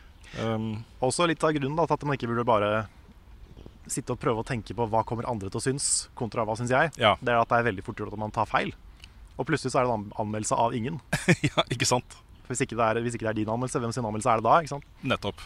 Så da um, blir det ofte litt upresist. da. Mm. Ellers så er det noen sånn eh, rent sånn eh, hva skal man si, manustekniske ting som man kan eh, tenke på. Det er jo jobbe med flyt. Mhm. eh, Jobbe med oppbygging, argumentasjon og sånne ting. liksom. Det er også en treningssak. Mm. Og absolutt. Um, Jeg prøver å komme til bunns i hvorfor altså, Hva det inntrykket ditt av spillet kommer av mest. da. Ja. Altså, hva, hva gir hva har gitt deg sterkest inntrykk? Hva er det du sitter sant. igjen med på slutten? Og ikke bare si 'det er et bra spill'. På måte. Eller sånn 'jeg likte gameplay'. For du må Mm. forklare hva i gameplay er det som gir det bra. Mm. Uh, Er det kampsystemet i God of War som gjør at du liker det, eller er det liksom dynamikken mellom Kratos og sønnen hans? Mm. Så hva enn som betyr mest for deg, snakk mest om det. Nettopp. Og vær presis. Liksom, prøv å jobbe litt med å være presis. At man uh, ikke blir for vag i, uh, i uh, eh, beskrivelser av ting man liker og ikke liker. Mm. At man er litt presis. Eh, da kommer vi litt inn på litt sånn rent sånn generelle journalistiske greier også. Mm. For et av de første rådene jeg fikk, var jo at skriv manus, liksom, eller skriv teksten din, og så kutt halvparten. Ja. Hvis man er eh, fersk, ikke har skrevet så mye før. Fordi etter hvert så lærer man seg å gjøre det mens man skriver. Ja. Eh, men i starten så er det et godt råd, altså. Eh, kutt, kutt bort alt det uvesentlige. Kutt det ned, kutt det ned. Og så kan du begynne å skrive om litt for å bli enda litt mer presis på det som står igjen. Mm. Ehm, men det er en god øvelse. Mm. At du ehm, bare skriver deg tom, og så kutter du halvparten. Og så er det også veldig ulikt om du skal ha en tekstanmeldelse eller en videoanmeldelse når du skriver teksten. Fordi hvis det er en tekstanmeldelse, er det på en måte det der jeg starta. Så når jeg skriver anmeldelser som skal leses opp, så må du, jeg må alltid bare tenke gjennom Er dette en setning som er naturlig å si. Mm. Er dette ordet jeg ville brukt Ja. i dagligtale? Det er også et veldig godt poeng. Mm. Fordi hvis du leser opp en ren tekstanmeldelse, så kommer det til å høres ut som et foredrag. Ja. Ja. Så det er en ting å tenke på. Sånn at jeg sitter alltid på en måte Det hender jo at jeg skriver alt. Jeg ender jo opp med å skrive straight up dialekt, sånn at jeg er helt sikker på at når jeg kommer Mm. eh, På at alt blir naturlig. Og når jeg skriver noe, så går alle setningene går i hodet mitt som at jeg, som at jeg sier det. Ja. For å prøve å eh, Jeg liksom snakker til meg sjøl nesten. Ikke faktisk. Jeg er ikke noe god på det fortsatt. Etter så mange år med å lage og voice ting, liksom, Mm. så er jeg fortsatt ikke god til å gjøre det. Jeg syns det er vanskelig. Men det er vanskelig. Det Ja. er ikke lett. Det er ikke det. Og Nei. jeg merker at jeg har en egen måte å fortsatt skrive muntlige anmeldelser på enn det jeg vanligvis hvordan jeg snakker. Mm. Um, så en finner liksom en sånn mellomting der, men det er, det er ikke enkelt, altså. Det er ikke det. Nei. True. Men så er det jo da altså, subjektivitet. Altså, anmeldelser er subjektive. Vit at det- de er subjektive. Forstå Mm. at det er det. At det er din personlige mening som skal fram. Mm. Um, det er liksom kanskje det viktigste. Du kan, altså, Istedenfor å si litt om at det Nå var det veldig Det var veldig mye lyd fra det flyet. fra det går nok bra. Ja. Um, Istedenfor å si at ja, jeg syns kanskje at det ikke Dette her Ja, det det er kanskje mulig at dette her var litt sånn eh, dumt. Det er ikke sikkert ikke alle andre syns det er veldig dumt, men jeg, det kan være at dette kanskje trekker litt ned. Vær litt presis. Si at Mm. dette syns jeg var litt dumt. Men eh, det, det fins unntak til det. da. Ja, ja. Ja, Det har- selvfølgelig, det, har, selvfølgelig. det har hendt at eh, jeg har liksom anmeldt spill utenfor min egen komfortsone og sjanger og sånne Ja ting. da. Mm. Hvor eh, jeg føler at jeg må være litt rundere i, i kritikken. Ja, men det var mer jeg snakket om på en måte være vag fordi at du ikke tør å være bastant på det du, du mener. da. Mm. Eh, Men- det hender jo at jeg anmelder ting og sier at dette for meg var litt deal-breaker. Jeg skjønner hvis ikke, dette ikke er en deal-breaker for andre, og da kan dette være et veldig bra spill. Da er det greit å presentere, liksom, si at dette er måte, Det er subjektivt. Dette er grunnen til at jeg ikke liker det. Mm. Ja, for det, jeg tenker det viktigste der, det er å bare forklare kanskje litt eh, kort hvor du står Ja. på forhånd. Fordi er du eh, Har du spilt hvert eneste spill i serien 40 ganger, så er det litt relevant å nevne. Mm. Eh, hvis, du, hvis det er første spill i serien du tester, så er kanskje det greit å nevne. Mm. Så sånn, bare sånn Hvis du har samme utgangspunkt da, som en anmelder, så er det kanskje lettere å, å lese den og tenke at dette er kanskje relevant for meg. Ja. Mm. Helt sant. Yes. Yes, Har vi et spørsmål til? Jeg har lyst til å ta et her fra Kim Flate, Flateråker, Flateråker um, som sier at uh, hans uh, sommerspill er eh, No Man's Sky. Og grunnen til at jeg ville ta det opp, er jo at det kommer jo en oppdatering til No Man's Sky i sommer, Beyond, som uh, bl.a. fokuserer på multiplayer og co-op. Mm. Eh, og jeg, jeg hadde jo glemt det når vi snakka om liksom eh, eh, i spilluka, hvilke spill som kommer i sommer. Jeg hadde glemt at det kommer. Det er en så stor oppdatering. De har liksom, tidligere så har de jo eh, gitt ut nye oppdateringer sånn par-tre ganger i året. Nå samler de alle de par-tre oppdateringene i én svær oppdatering i sommer. Wow. Og det, er, det er litt rart, det der, fordi det, i fjor ble jo No Man's Sky mitt sommerspill. Mhm. Med No Man's Sky Next. Det, det tror det blir i år også. jeg har lyst, jeg, det jeg har lyst til å gjøre i det spillet, det er å gjøre et permadeath-run med et crew som er med, liksom. Og kanskje lage serie av det. Det hadde vært kult, altså. Har ikke lovd noe? Hmm? Men har ikke lovd, eh, du har ikke lovd at dette kommer? Nei. Jeg bare, Jeg sier bare at jeg har lyst. ja, mm. Ja. Det er skummelt å si sånt på internett. Ja. Men spørsmålet var noen tips til en fersking. Eh, det er litt vanskelig å komme med tips til en oppdatering som ikke helt vet hvordan blir. da Men eh, i og med at det er co-op nå, tips nummer én må være å spille sammen med noen. Og jeg husker jo de eh, få gangene vi har gjort det sammen. Det å liksom starte fra scratch sammen med noen andre, hvor du skal finne liksom de itemene du trenger for å liksom reparere romskipet ditt og komme deg av denne planeten her og sånt, Mm. det er så mye morsommere, altså. Det er kjempegøy. Så kanskje tips nummer én. Tips nummer to ehm, er jo jeg, vet ikke. Det er liksom Du kan gjøre hva du vil der. Så det, det er eh, Finn en planet, kanskje, som du har lyst til å bli på. Og fokuser på det. Ikke tenk på at det fins 18 trillioner andre planeter du kan dra til. Nei. Det er kanskje det målet om å nå sentrum av galaksen, hvis det fortsatt er en ting. Det er, det er ikke så viktig. Nei, men det er litt kult at uh, disse forskjellige galaksene har uh, sin egen personlighet. Så den startgalaksen er jo en sånn derre øh, balansert galakse, hvor du har ikke sant, alle forskjellige typer klimaer og, og sånt har du der. Eh, mens øh, senere så kommer du til en galakse som heter Calypso, hvor øh, det er en sterk overvekt av ekstreme planeter. Eh, et godt stykke ut, jeg tror det er sjuende galaksen eller noe sånt, så er det jo eh, sterk overvekt av paradis-biomes. Mm. Så det er liksom Det er verdt å tenke litt på det også. Da. Det har jo kommet portaler, og du kan teleporte helt inn til sentrum av galaksen. ikke sant? Men har du først forlatt galaksen, så kan du ikke komme tilbake. Nei, ok. Da har du dratt videre. Ok, Skal jeg ta et spørsmål? Ja. Det er fra Trenger jeg litt musikk, Frida? hvis Jeg skal er, eh, hjelpe deg, skal vi se. Thank you, thank you. Yes. Ukens Sin4. Gratulerer så mye med premiere av Noscope. Det var kjempegøy, og ikke minst høy kvalitet over manus og skuespill. Bra jobba. Tusen takk. Spørsmålet mitt i dag er som følger. Hvis det skulle lages et spill basert på Noscope, hvilken type spillsjanger hadde det blitt da? Oi! Og jeg har et svar. Ja. dating sim. Ja, jeg skulle til å si det. Ja. Sånn Dream Daddy, eh, Ja. visual novel. eh. Det kunne bare vært det. ja. I hvert fall sesong to hadde vært, det måtte vært en dating Ikke sim. sant? Ja. Så, Det er sånn persona-dating sim-type. Ja. At det er litt sånn uh, Istedenfor high school-simulator, så er det en reality-simulator. Mm. Reality-TV-simulator. Men det verste er jo at det kunne vi jo lagd. Ja, altså Vi kunne kanskje ikke lagd det, men noen kunne Noen lagd det. kunne lagd det. Også Ja. Det er ikke den mest avanserte også. Det er nok den letteste sjangeren. og det, det, nå snakker jeg uten å vite det, da. Men Mm. uh, det er jo det er ikke mye animasjon du må gjøre i en dating-sim. Nei. Det er jo mye stillebilder og Ikke sant? sånne ting. Ja, Det hadde vært kjempekult altså. Ja, det hadde vært kjempegøy. Du it. Ja, vi hadde jo Yeah. sånt herlig øyeblikk på uh, Noscope-premieren også, hvor Juremi i Dpad uh, satt jo i salen. Ja, Vi hadde jo snakka om på forhånd at uh, det er en sånn greie der som kunne blitt filmatisert. det er sant. Uh, og han bare sånn han Bare ring meg, så ordner vi det. Det er, uh, ja. Det er, jeg kan jo nevne navnet på det. Mm. Fordi det, er ikke, det kommer jo ikke fram før i episode to. Men det er da en sånn greie vi har laga en mockup av, som heter Magnus i Furua. Så Ja. det, kunne vært et sånt, det kunne vært et spill. Kunne vært et spill. Kunne vært. Mm. Yes. Yes. Har dere flere spørsmål på la- lager? Jeg har et spørsmål som jeg har lyst til å svare på, fordi det, det handler litt om uh, uh, måten vi opererer på. Ja. Okay. Det er fra Thomas uh, Sakshaug, som har sittet og sett på hvor mange visninger de forskjellige videoene våre får på YouTube, mm. og notert seg at uh, noen type videoer får flere visninger enn andre videoer. Um, den generelle tilbakemeldingen på det er egentlig at uh, hvis, hvis det var sånn at vi bare fokuserte på views, så um, Hadde vi bare spilt Fortnite? Ikke sant, vi hadde, det, det er mange ting vi kunne gjort Ja. for å vokse. Vi kunne hatt litt mer sånn clickbait-titler. Vi kunne gjort en del sanne ting. da. Ja. Uh, vi fokuserer nå veldig på de uh, drøyt uh, Drøyt, for det er flere, flere enn 1000, som backer oss på Patron.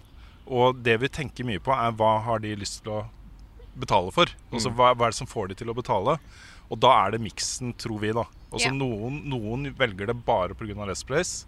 Uh, Så selv om kanskje en Let's Place-serie får uh, 1000 visninger per episode, så er det kanskje uh, 200 av dem som er interessert i å betale på Patreon, ikke sant? Eh, og det er superviktig. Så vi må se på den miksen. Og ikke minst så må vi lage ting som vi brenner for. Hvis vi slutter å gjøre det, så mister vi mye av vår egen art. Eh, og, og gleden over å gjøre de tingene vi gjør. Og så er det ikke, så selv om spill, eh, spilluka får veldig mange views, så jeg tror ikke det hjelper å lage to spilluka-episoder i uka. Det gjør nok ikke det, altså. Men, men jeg tror nok at øh, uh, det, er ting vi, det er grep vi kunne gjort Ja. Ja. øh, for, som, som på en måte følger opp litt hans øh, spørsmål. Ja. Eh, flere anmeldelser hadde vært kjempekult. Mm. Eh, hyppigere anmeldelser hadde også vært kjempekult. Eh, kanskje hippere sånn nyhetsinnslag når det skjer noe stort. Liksom bare skru på kameraet. tu, tu, tu. Ja, Mange av de tingene er, eh, er avhengig av at vi har litt bedre fasiliteter og, og sånne ting. Ja, og tid og anledning til å gjøre det. Ja, Vi skulle helst vært én til på heltid for å kunne gjøre det mer hyppig. Ja. Og ikke minst så burde vi også ha muligheten til å betale uh, frilansanmeldelser uh, mer enn vi gjør i dag. Mm. Kanskje henta inn en eller to til. Så det er en del sanne ting som vi har lyst til å gjøre. eh, men vi må- liksom fokusere på det vi kan gjøre, og gjøre det så godt vi kan akkurat nå. da. Ja, for det er jo altså, det er definitivt ting vi kan gjøre for å promotere oss bedre, for det er vi ikke så gode på. Nei. Det er vanskelig å drive med selvpromotering. Ja. Um, og vi har jo veldig Altså, vi skal ikke bli clickbait, Nei. men vi er jo veldig ikke clickbait også. Det er jo veldig sånn rett på sak-titler, så vi Ja, ja. kunne kanskje vært litt flinkere på noen av titlene våre. Kanskje, Kanskje hatt en undertittel på en anmeldelse, f.eks., Ja. som er litt sånn catchy, i hvert fall. Ja. Men, Rune eh, anmelder Draugen. Ja, ikke sant? Det er bare det det heter. Så kanskje ikke liksom Capslock, Rune anmelder Draugen, kolon Så skummelt! ja. Det, er sånn, det måtte vært noe litt, uh, litt mindre YouTube enn det. Ja, Men det hadde kanskje gått an å gjøre noe der. Derfor det skal jo sies at vi er jo litt sånn Vi er ikke så veldig glad i en del av de der YouTube-grepene som gjøres. Nei, Vi er litt sånn motstandere av det. De thumbnailene med et skrikende ansikt og Sanne en ting, liksom. ring rundt en geit. Sanne, ikke sant? Ja. Vi har ikke lyst til å bli sanne. Nei. Nei. Men det er, det er jo balansegang der. Ja. Og vi kan, vi kan nok med fordel kanskje bli litt flinkere på, på den delen. Det er så mange ting vi kunne blitt flinkere på. Det er, er er det bare. Det er sant. Men uh, så lenge, jeg- jeg tenker at så lenge vi liksom Vårt hovedfokus er den lidenskapen vi føler for arbeidet vi gjør og for spillmediet. Ja. Hvis det er liksom kjernen, så, så er det det aller, aller viktigste. Altså. Vi kan Ja. ikke drive og bli for kyniske på hva slags innhold vi lager og sånt. Nei. Men det er ikke sånn at vi ikke tenker på views i det Nei, hele tatt. vi fordi, på det. um, jeg tenker litt på det nå i forbindelse med hardcore. Fordi nå er vi jo på episode 58. Ja. Ja. Og det er ganske mange episoder, eh, så det er forståelig at liksom seertallet går gradvis litt nedover. Eh, Og nå er vi på sånn rundt 1000. Og når du dipper under 1000, så blir det litt sånn OK, er det egentlig riktig av meg å bruke, bruke tid på det? Men jeg har ikke tenkt å, jeg har ikke tenkt å stoppe midt i et spill. Jeg skal i hvert fall spille ferdig King March 2. Og så har vi en pauseserie, eh, vi to, Frida, Mhm. som skal gå. Eh, Og så ser jeg etter det. Hvis det, Ja. er, eh, hvis det er demand, så fortsetter jeg. Eh, Hvis ikke, så kanskje jeg tar en liten pause, i hvert fall. Det er litt sånn ehm, For de som, eh, som er mest ute etter spillanmeldelser, så skjønner jeg at det kan føles som det er andre, en del andre ting vi bruker tid på. Men det er rett og slett å prøve å dekke alle. Jeg vet det er Noen som syns det blir for mange streams, noen syns det er for få streams. Eh, noen vil ha mer Let's Plays, noen syns det er for mye Let's Plays. Eh, noen vil ha bare anmeldelser, noen vil ha en god blanding. Noen syns at Noscope er teit. Det er, sånn, det er helt umulig å gjøre alle fornøyd, Mm. men vi gjør så godt vi kan. Ja. Men det er helt klart flere grep vi kan ta. Mm. Det er jo Men det er litt, det, ja. det er litt viktig da å si at uh, selv, om, selv om det kommer en del uh, Noen ganger så er det flere Let's Play-serier i uka. Um, men det betyr ikke nødvendigvis at vi prioriterer det. Nei. Det er bare det at det tar så mye kortere tid å lage. Utrolig mye kortere tid. Å, Det er sånn, det kan ikke sammenlignes med en anmeldelse i det hele tatt. Nei. Så det er jo, selv om det kanskje kommer flere Let's Play-type videoer enn det kommer anmeldelser i uka, så prioriterer vi fortsatt anmeldelser. Det er bare det at det tar så lang tid. Det gjør det. Så det er enkelt å på en måte sette sammen en Let's Play-greie. Enkelt, sier jeg. Det er jo ikke jeg som klipper dette her. Eh, men eh, det er enklere å sette sammen en sånn type video hvis en plutselig har litt ekstra tid eller trenger en avbrekk fra Mm. den anmeldelsen. Da. Ja. Mm. Så det er ikke sånn at eh, det at jeg lager hardcore, går ikke ut over anmeldelser, f.eks. Nei. For da ville jeg ikke gjort det. Så får vi nå se hva tida brin- bringer for level up.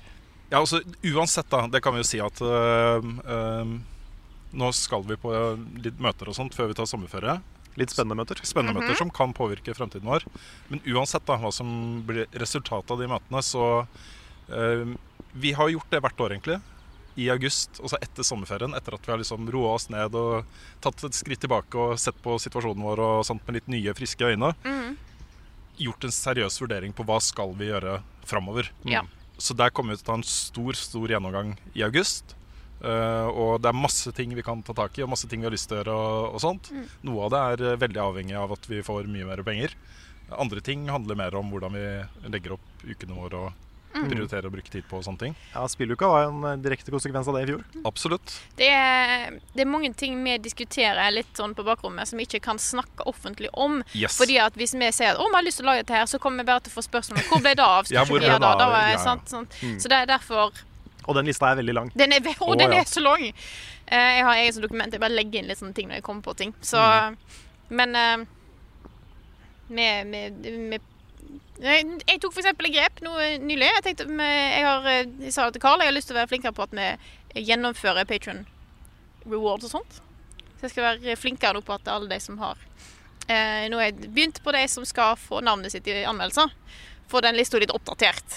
Ja. Så den er nå blitt oppdatert fordi at vi har fått Det er flere eh, som eh, Det har blitt, vi har på en måte flere navn å nevne enn vi har videoer. Så jeg har prøvd å på en måte få oppdatert den litt sånn at alle som har støtta, skal få navnet sitt sagt sånn. Mm. Ja. Ikke, altså, ikke sånn at det tar to år, for det har det nesten gjort nå. Ja, fordi Eh. Eh, det, som er, det som er greia, er at det er mange som donerer mye ofte. Ja. Så da får du, får du mange av de samme navnene. Ja. Så vi prøver å da få inn de nye navnene også. Ja. Sånn at ikke det bare blir de samme navnene hver gang. Men i tillegg til at de som har gjort det over lengre tid, skal få på en måte eh, få det de skal ha. Så jeg har, jeg har lagd et system i mitt hode. Så jeg har tenkt å være litt flinkere på det. Så vet dere det, dere som har uh, støtta opp gjennom tida. Og så starter vi en ny runde med Playtron også Det over sommeren. Um, jeg har et spørsmål her fra eh, Robert Søreid. Ja. Nå som dere har vært i Syden sammen, hva er neste drømmedestinasjon med Level Up-gjengen? Kanskje litt mer pleasure and business neste gang? Skulle tatt med, gjort det, tatt en gang til, tatt med hele gjengen til hytta mi. For nå var, sist var det jo bare Det var eksotisk. Her var liksom hele verden. Ja, men det var veldig koselig, da. Ja, det var veldig hyggelig. Nei, du var ikke der. Nei, jeg, også, det, det, var, hyggelig ut. det, var et hyggelig forslag. Også Ja. en, en, hyggelig, et hyggelig, en hyggelig destinasjon. Ja. Ja, ja. Det er sant. men Det er eh, mest for å på en måte få ned at det koster ikke så mye å sant. hytta mi Det mm. nødvendigvis. Det har jo plass til folk, men det, det var Ja, jeg tenkte Tokyo, jeg. Ja Oi. det hadde vært kjempegøy. Ikke sant? Se for deg hele Level Up-gjengen i Tokyo. Ja, ja. Jeg har to forslag. Ja. Eh, Det ene er å gå tilbake til der vi var i Spania. bare som en rein ferie. Ja. Med den samme gjengen. Ja. Som en sånn reunion-tur. Det har jeg kjempelyst til. Det hadde vært hyggelig. Det er, sånn- det er kanskje til og med mulig å gjennomføre. Ja. Offseason. Ja, offseason. Bare få en litt sånn god pris. Ja, ikke sant? Um, når ikke det er midt i, midt i ferien. Ja. Det hadde vært dritkos, fordi vi, er liksom, vi var der en uke. Men jeg følte ikke at jeg rakk å liksom nyte det stedet. Nei. Selv om det var veldig fint. Ja, fordi vi jobba så hardt hele tida. Ja. Så det å ha, det bare ha en rein ferie der, Mm. og litt sightseeing, kanskje tilbake i den dyreparken og bare gjort det litt sånn Hatt det, hatt det litt koselig der, Ja. det hadde vært eh, veldig bra. Mm. Men nummer to E3. Ja. Ja. En skikkelig E3-tur. Ja. Nå er jo ikke E3 like kult lenger, da. Det er litt Det er ikke sånn, Men uh, hvis det liksom kommer tilbake til sin former glory, det er spennende Mm. å se, så er det kult å ha tatt en skikkelig sånn eh, Kanskje igjen den der Las Vegas Ikke sant? eh, Roadtrip-tingen road i tillegg, ja. ja. Hvor jeg ikke, ikke stikker av mens dere har det hyggelig og setter meg på den Det er, det er en av de beste montasjene vi har hatt. Liksom, vi bare er ute og opplever Las Vegas og er på liksom karuseller og bare har det så fett mens du sitter og venter på at Destiny skal lastes ned. Yes. Det er, det er så var- morsomt og så trist. Jeg hadde jo vært i Vegas veldig mange ganger før, da, så jeg var liksom Ja, ikke så opptatt av å se byen. Mm. Men det var eh, litt mørkt eh, kapittel i Ja, det ble en veldig fin montasje. At vi liksom gjør alt. Det er sånn Full House-montasje, liksom. Der, uh, We're going to Disney World! du sitter og Du får ikke spilt engang, du venter på at det skal laste ned. Ja, det tok veldig lang tid. Ja. Men jeg fikk den hjelmen, da. Ja, du fikk of den. Osiris-hjelmen. Det gjorde det. Det gikk flawless. Mm. Null stress. Ja da. Mm. Men en, en E3-roadtrip med hele gjengen, det er en drøm, ass. Ja, men det, jeg, jeg tror det hadde vært morsommere å tatt dere med på Tokyo Gameshow. Ja, jeg er enig. Ja, det kan Det er ikke en bedre messe, men, det men uh, som location, også som video Ja. vi, Oss i Japan. Ja. Kanskje en, en dagstur til Kyoto og gjort litt sånne ting også. Yes. Det tror jeg hadde vært uh, kjempegøy. Også. Jeg har lyst til å prøve å finne ut, for det er, det er en del eh, i faggruppa mi som er på konferanser i Japan innimellom. Da tar Ja. de ofte litt ekstra ferietur. Så jeg har prøvd å finne tenkte jeg skal ta og smiske litt med veilederen min, finne ut om det er noen eh, konferanser Ja, i Japan kan altså. eh, være med Mm. på. oss. Da eh, hadde det ikke vært så dumt. Og så har jeg hørt det er veldig vanlig at når det kommer sånne eh, eh, vestlige youtubere til Japan, så, er det, så må man liksom kle seg ut i Pikachu-drakter og Pokémon-drakter og være bajoser på gata. Ja, Ja, ja. det er øh, mm, Det er påkrevd, liksom. Ja, og filme de mest usmakelige videoene i verden. Ikke sant? Ja.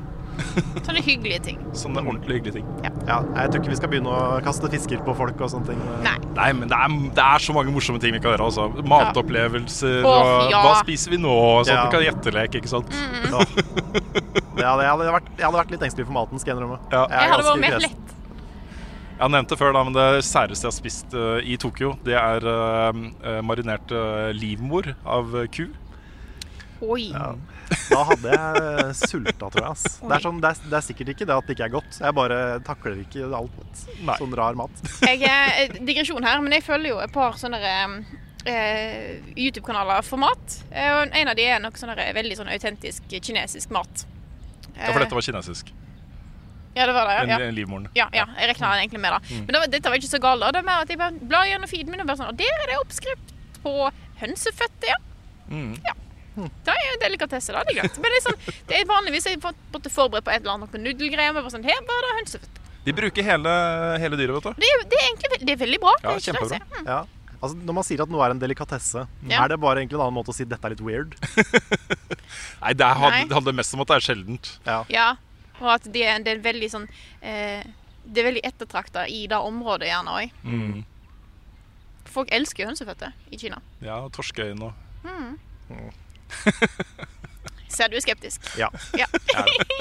Jeg er kresen, jeg er fullt klar over det. Men uh, veldig skeptisk til jo rarere det blir. Ja, men det, det, uh, Folk har liksom inntrykk av at uh, maten i Japan er litt sær, og at det er vanskelig å finne ting som er godt og sånt. Men det er ikke sant, altså. Nei. Det er uh, f.eks. en av de beste sånn fastfood-tingene man kan spise i Japan, er sånne rice bowls. Ja, det har jeg lyst til å prøve. Og det har de på Oslo Street Food, som vi var på i går. Ja. Så har de sånn sted som lager rice bowls. Sånn ekte japanske rice balls. Hvor du har ris og så litt grønnsaker, og så har du kjøtt. Og, og så er det marinert, og du har sauser og sånt. Det er så godt. Ja, det, når vi var der i går, så hadde jeg eh, den japanske fried chicken eh, Ikke sant? bowl. på, var, Ja, jeg hadde fried, fried pork. Og den har jeg testa en gang før. Ja. Ja, jeg kjørte, kjørte Beyond-burgeren igjen. Ja, det gjør det. Den var, god. Den var bedre den gangen her. Kanskje de har eh, blitt enda bedre. Kanskje det. Og så testa vi boblevaffelen. Jeg også måtte det. Det var ikke plass til mer mat hos meg, så jeg eh, sto over den. Og Ja, tenkte, Den er så mye. Den er så Det mye. er så mye ja, jeg spiste ikke 50 engang, men den var veldig god. Ja, det er veldig godt. Det var bare verdt å gjøre det, liksom, bare for å teste. Ja.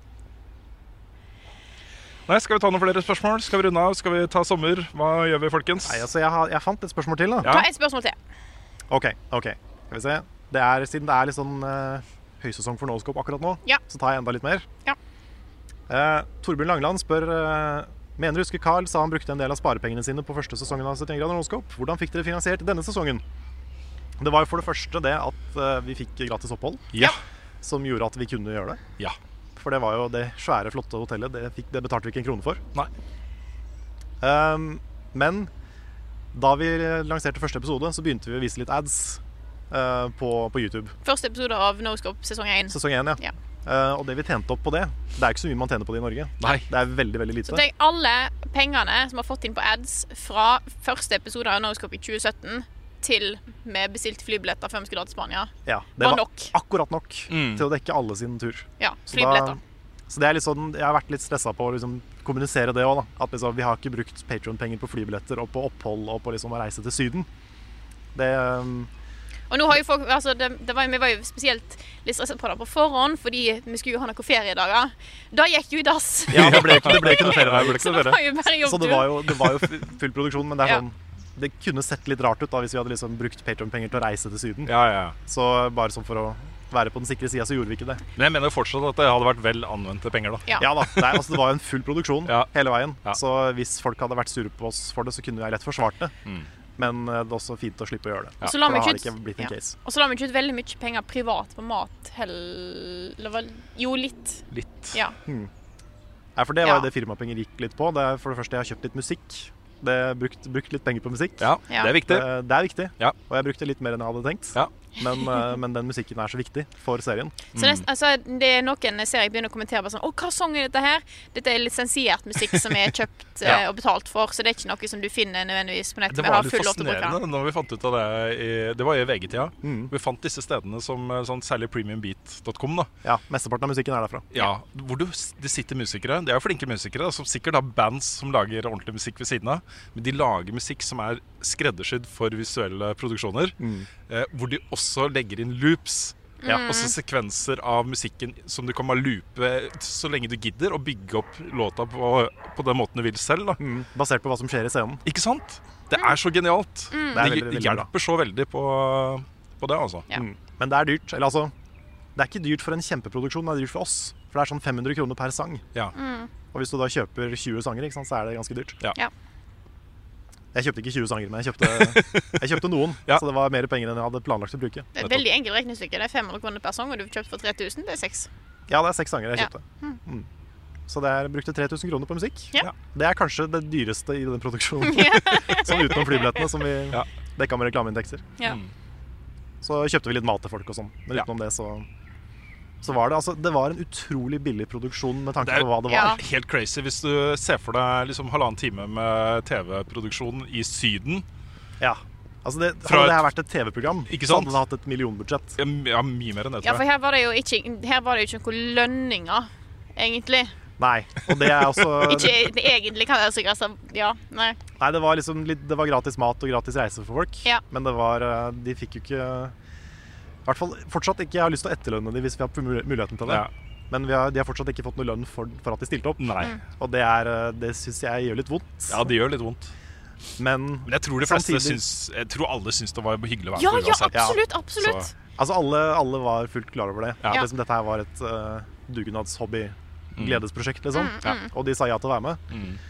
Men uh, jeg har lyst til å gi dem noe for det de gjorde. For de gjorde en kjempejobb. De sto på i så mange dager. Um, så ja. Ja. Det, hvis vi kommer i en bedre situasjon, så har jeg lyst til å etterlønne dem for den jobben. Det hadde vært veldig hyggelig. Da, da tar vi sommerferie nå, tror jeg nesten. Jeg tror vi gjør det. Ja. Ja. Eller sånn i hvert fall eh, podkasten tar for sommerferie. Fordi at dere, mm, dere skal i hvert fall jobbe ut en uke her. Vi skal skal jobbe ut en uke her, og det kan hende at vi får lagd litt eh, sånn eh, sommerferiepodkaster også. Ja, det er Så på- planen. På forhånd, ja, planen. Vi, vi må ta en runde på det. Ja. Mm. Men vi prøver. Vi prøver å ha noe eh, litt, litt gående, i hvert fall. Ellers er det jo no scope. Eh, jeg håper på å få lage en anmeldelse før jeg tar ferie. Nick skal jobbe litt i sommer. Så det, Ja det blir ikke helt dødt på kanalen. Nei. Nei da, det kommer ting. Ja, så vet dere da. Mm. Eh, men du kan jo si hvor lenge dere skal ha ferie. Jeg har ikke helt jeg, jeg tror at jeg kommer til å jobbe litt innimellom. Men jeg, jeg må i hvert fall ta et par uker. Ja. Bare sånn helt, så neste uke og uka deretter tipper jeg blir helt off. Ja. Og så får vi se. Fordi øh, Jeg nevnte vel det forrige uke også, men jeg, vi glemte å melde på ungene på øh, aktivitetsskolen. Mm. Så øh, de har da tre uker i august som de ikke kan gå på AKS. Mm. Uh, og det Ja, vi må være Puslespillet må gå opp på en eller Ja. annen måte. Ja, for Vi pleier å gjøre det sånn at juli er den måneden vi tar off. Ja. Uh, og så jobber vi jo dag og natt og helger i hvert fall mye uh, hele resten av året. Ja. Men eh, nå skal vi jobbe litt ut i juli, så jeg tenker det blir eh, mye av juli, litt av august på meg. Det blir nok uh, noe sånt. Ja. Vi er nok ikke tilbake sånn i full produksjon før andre uka i august, tipper jeg.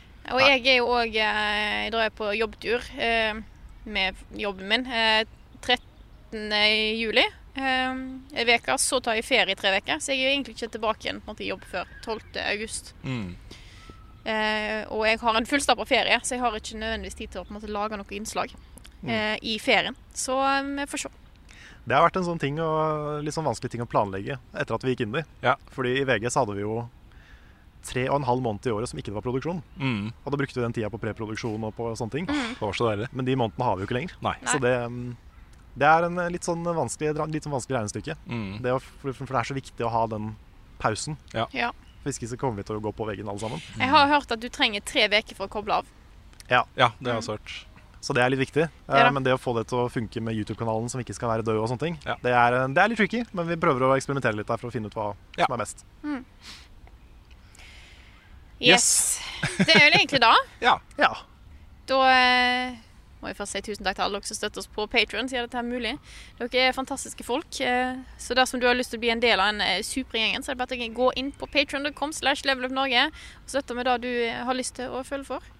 Det er eh, de, I de tre og et halvt årene som vi har operert, Mm. så er det Hvis, hvis det ikke hadde vært for Patreon-støtten, så hadde det vært slutt for oss for to år siden. Ja. Det er helt sant. Så Så alt som ligger på den kanalen nå, Ja. det er pga. Patron-backerne. Ja. yes. Og det er, ja, det er kjempeviktig. Og det er jo, vi har sagt det flere ganger, vi trenger mer penger. Så hvis du ser på ting vi lager, hører på podkastene jevnlig, Mm. tenker at du har muligheten til å avse noen tiere i måneden Ja, For det er ikke mer enn det som skal til. nei. Ikke sant? Hvis nok men mennesker tenker sånn, så kan vi holde på til evig tid. Ja. Mm. Til vi pensjonerer oss med å lage det innholdet her. Ja. Så, men vi trenger mer penger. Så hvis du går og tenker litt på det, og sånt, så bare vit at det er det vi lever av. Ja. Mm. Det er det som gjør at vi kan sitte her. Mm. Og Og alt, lage det alt betyr noe. Alt betyr noe. Mm. Og igjen, da, bare sånn for å ha poengtert det, så er det ikke Vi har ikke lyst til å be folk som backer oss, om å backe oss med mer. Fordi selvfølgelig alltid sett egen økonomi foran. Ja. Ikke gi mer enn man kan. Nei, nei. Så det, hvis man allerede er backer, så er det Ja, mer det enn bra nok. kjempebra. Og så kjempe- jobber vi, med, vi jobber med andre inntektsmuligheter og sånne ting også. Ja. Men den sikreste Den tryggeste måten å sikre videre drift på, det er eh, backing på Patreon. Ja. Hvis du har hørt på den podcasten her på en podcast-app, så har du kanskje fått med deg en av måtene vi har tjent litt penger på Yes. de siste par ukene. Yes. Og eh, ja, jeg vil si god sommer til alle som Ja, støtter oss god Patreon. sommer også. Ja. Ja. Kos dere med spill og sol hvis du er into that sort of thing. Ja. Og eh, bare ja, slapp av og koble ut og ha det hyggelig. Lad batterier. Ja, det er viktig. Mm. Og med det så eh, sier jeg tusen takk for oss. Takk for at du hørte på denne episoden her og Level Backup. Og så snakkes vi igjen Når vi snakkes. når vi snakkes. Det er en eller annen gang som etter hvert. En gang. Ja.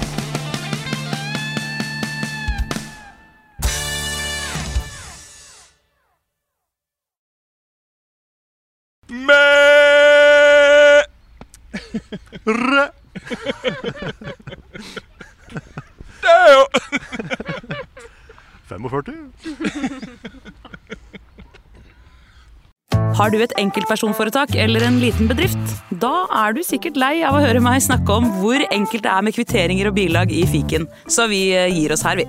Fordi vi liker enkelt. Fiken superenkelt regnskap.